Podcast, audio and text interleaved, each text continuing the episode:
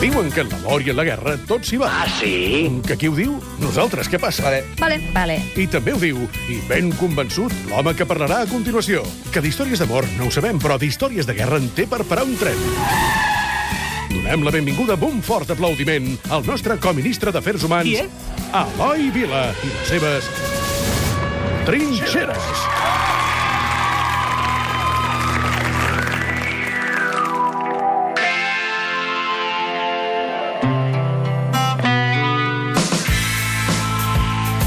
Bona tarda, Eloi, com estàs? Bona tarda a tots. Escolta'm, avui l'Eloi ens vol explicar que parlarem dels bombardejos de Granollers perquè ha fet 79 anys d'aquest fet dramàtic, d'aquell fet dramàtic. Sí, anem commemorant eh, molts fets dramàtics, malauradament, quan parlem de la guerra, però és això, no? recuperar la nostra memòria és això, no? és uh, mirar enrere i veure què, què ens va passar això fa aproximadament 80 anys. Dic aproximadament perquè en el cas de Granollers el bombardeig, el gran bombardeig que va haver-hi a Granollers va ser el 31 de maig del, del 1938, de, a les 9 i 5 minuts del matí, cinc avions de l'aviació feixista italiana van bombardejar la ciutat i van llançar pràcticament una tona de bombes, a més de 750 50 quilos. Llavors, la, la, la cara és la capital del Vallès Oriental, tenia 15.000 habitants, i van morir 224 persones, tot i que les xifres de morts varien una, una mica, no? 33 d'aquestes Sempre que parlem d'aquests bombardejos, estem parlant de que no tenen un, una idea d'anar a, a, a rebentar res en concret, sinó és per població civil, no? Indiscriminadament o no? Bé, hem parlat altres vegades que hi va haver-hi un, un, un... Per primera vegada la Guerra Civil eh, l'aviació feixista, sobretot el- els italians Mhm. i, i, el, i els alemanys, eh, investiguen, proven eh, Això- una, això un sistema de guerra de de cara a la Segona eh? Guerra Mundial, que és bombardejar indiscriminadament la població civil. Per primera vegada en una guerra passa això i, i es viu a la Guerra Civil i molt a la rereguarda republicana aquí a Catalunya. No? Que això va passar fa 79 anys, però ara mateix està passant a Síria, com Mm. ens explicava l'Antonio, s'està bombardejant dia sí dia també població civil de manera indiscriminada. I ha Sí. passat tantes vegades. Sí, sí, i de fet, de fet hi ha molts paral·lelismes, hi ha certs paral·lelismes entre moltes guerres, però també la guerra d'ara de Síria i la guerra civil, no? el cas dels refugiats també, no? quan milers de persones de tot l'estat espanyol fugen Sí, sí, de la repressió sí, sí. franquista i, eh, i van cap a les zones republicanes, no? cap a la part de Llevant, cap a València i, tot, i també cap a, cap a Catalunya i posteriorment marxen a l'exili a França. Doncs Granollers és una de les ciutats que pateix aquests bombardejos indiscriminats i deia que van morir 224 persones, les xifres varien una mica, eh, però 33 d'aquestes persones eren nens i nenes, eh? I, i van haver-hi 165 ferits. Eh, hi ha testimonis de bombardeig de Granollers, i de fet hi ha hagut un gran treball a Granollers per recuperar la memòria històrica. He de dir que l'arxiu municipal tenen un fons oral que és molt valuós i que es pot consultar també per, per la xarxa i és molt, molt interessant. I, i, i, i a mi m'agrada sentir eh, un testimoni que va recollir el Josep Àngel Carreras, que és el de la Dolors Agón. Era una nena, eh? quan va haver els bombardejos era una guerra, una nena, i ens diu això. Jo tenia 5 anys i això ho recordo perfectament, que estàvem a l'escola, era el matí, devien ser les 9 del matí o així, es van sentir uns estruendos, uns estruendos, i les monges ens van dir correu, neus cap a casa, que estan bombardejant, i aneu de pressa cap a casa. Jo vivia molt a vora de casa, i, bueno, mm, les petites per, corrien per terra, les grans sortien més de pressa, la meva germana, que era més gran, m'esperava a la porta, i em va agafar de la mà i ens vam anar cap a casa perquè vivíem al mateix carrer del col·legi. déu nhi eh? Si estàs a l'escola, diuen aneu cap a casa, que t'estan bombardejant, la germana gran t'agafa, amb només 5 anys arribes a casa, però clar, la Dolors arriba a casa i la mare no hi era. Eh? Si imagineu-vos el dur que deu ser això. I ella, quan arriba a casa, eh, viu aquesta situació. Al cap d'un rato va arribar la meva mare, espantada, que també havia anat a buscar llet en la plaça dels Porxos. Mm, Va ser de les últimes de la cua. Van tirar una bomba a la cua i, i per allà a la plaça van tirar bombes. Una a la cua, van morir totes les de davant i les tres o quatre de la cua de darrere es van salvar. I entre elles, la meva mare es va salvar. Del gran estruendo, li va, la, la tapa de la batxera li va desaparèixer. I encara va tenir l'humor d'ajupir-se entre els morts per allà al mig buscant una tapa que li tapés a la gatxera. I sempre a casa nostra teníem una gatxera que la tapa no tapava. Un record per tota la vida. Eh? Uh, es va salvar de miracle la seva mare. Uh, ella explica que estava a la, a la plaça dels Porxos, és la Porxada, al centre de Granollers, Sí, sí, sí. la plaça on hi ha, on hi ha l'Ajuntament. De fet, uh, hi van caure allà moltes bombes, van caure també el que en diuen la carretera. Uh, La carretera de Ribes, no? Correcte, que creua, que creua la, la ciutat. I, I, de fet, l'objectiu, segons... Oficialment, l'objectiu dels bombardejos eren les centrals elèctriques. A Granollers hi ha una central elèctrica, hi havia una central elèctrica, Estabanell i Païsa, que alimentava elèctricament la ciutat el tren, la via del tren, i alimentava també les fàbriques, les indústries de guerra, moltes fàbriques reconvertides en fàbriques d'armament, no? I també l'aeròdrom de la Garriga, eh, que és a Llerona, que de fet és una zona que hi ha entre Granollers i la Garriga, la zona de Llerona, on hi havia un, on es reparaven avions i on era un centre d'aviació republicana molt important, no? I aquest, segons aquest, les dades oficials, aquests eren els objectius, però en canvi van caure al centre de Granollers, com deies, amb aquest Sí, sí. objectiu també de, de bombardejar indiscriminadament la, la població civil. I tinc un altre testimoni, en aquest cas recollit per, uh, per Vallès Oriental Televisió, que em sembla molt interessant, que és el de la Teresa Saló, que també explica uh, el per què va haver-hi aquesta mortaldat a Granollers. perquè a Granollers, abans del, del primer bombardeig, no estaven preparats ni sirena, ni refugis. Era una ciutat, doncs mira, amb quatre dones, quatre vells i mainada. I, tot, I els homes a la guerra.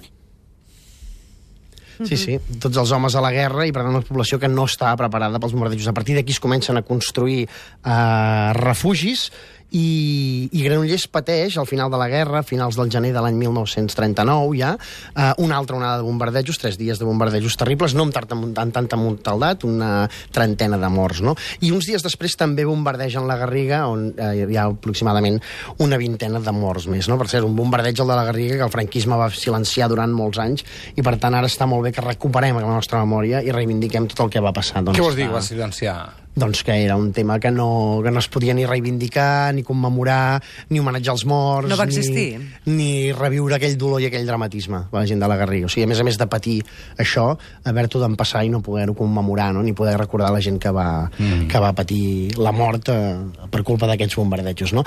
I amb el record del, del primer bombardeig, la Teresa i la Dolors viuen el segon d'una manera molt diferent, però que em sembla també molt dramàtica. El pare va fer el, departament que ens quedéssim a casa, quan tocava la sirena, abraçats tots a sota la taula del menjador. I jo això no em convencia. I, I un dia vaig pensar, no digui res, vol dir que troqueu la sirena i jo aquí no m'hi poso.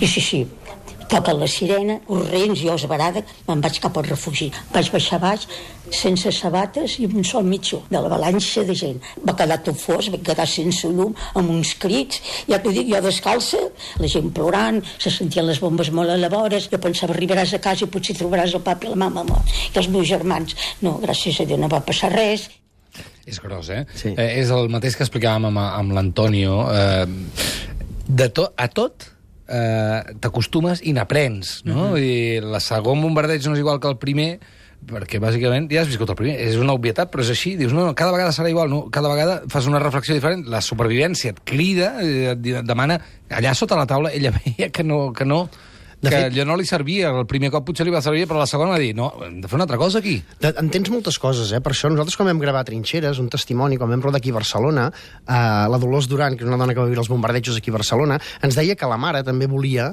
eh, que no anessin al refugi, que es quedessin a sota el llit tots uh -huh. junts, amb, amb una idea, no? Si hem de morir, que sigui a casa i tots plegats, no? De fet, al baixar als refugis tenia un punt d'angoixant, no? De dramatisme, la gent eh, molt ansiosa, angoixada, molts crits, molta tensió. Podia ser Hi havia gent perillós, que... també. Sí, i era perillós en aquest Sí, sí. sentit, no? I molta gent això no ho suportava, no? Però, en canvi, la Teresa, ella preferia, tenia molt clar que preferia anar eh, al refugi, no?, en el seu cas. I a Flix ens van explicar una cosa que em sembla molt, molt, molt bèstia, que és conviure permanentment, quan vius en un lloc que està permanentment eh, bombardejat, conviure amb la por.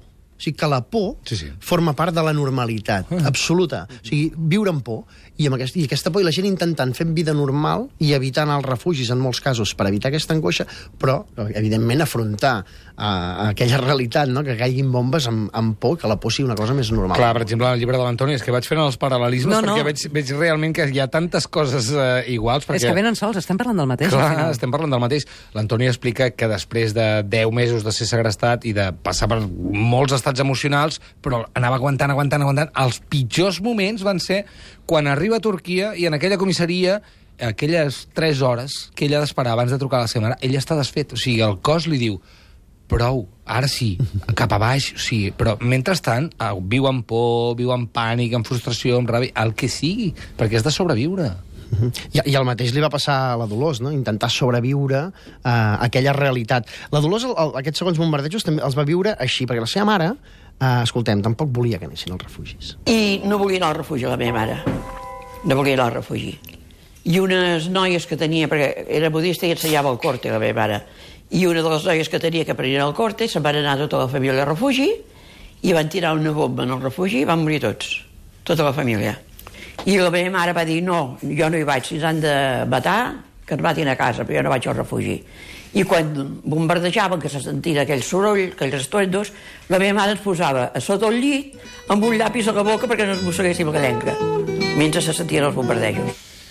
No només vius amb por, sinó que no saps què coi has de fer. No. Sí. És horrorós. Això del llapis a la boca, que ella explica així d'aquesta manera perquè no ens mosseguéssim la llengua, també és perquè la- l'ona expansiva no et, rementi, no et rebentés per dintre. Clar. Eh? I, I això feia molta gent, afrontava els bombardejos així, no? sota una taula del menjador, sota el llit i amb un llapis o amb un bastó a, a la boca per evitar això, no? que l'ona expansiva et rebentés. Això és rutinitzar per la por, no? És a dir, integrar-la absolutament com, com una emoció normal. Sí, sí. I aleshores passa això, no? que quan vius una situació com aquesta, la Teresa eh, ens diu que et queda doncs, per sempre.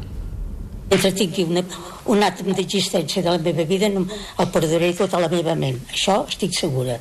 Uh, no, no me'n serà mai més. Moltes coses he perdut de la memòria, però aquest bombardeig no me'n serà mai més. I va ser, va ser, va ser terrible.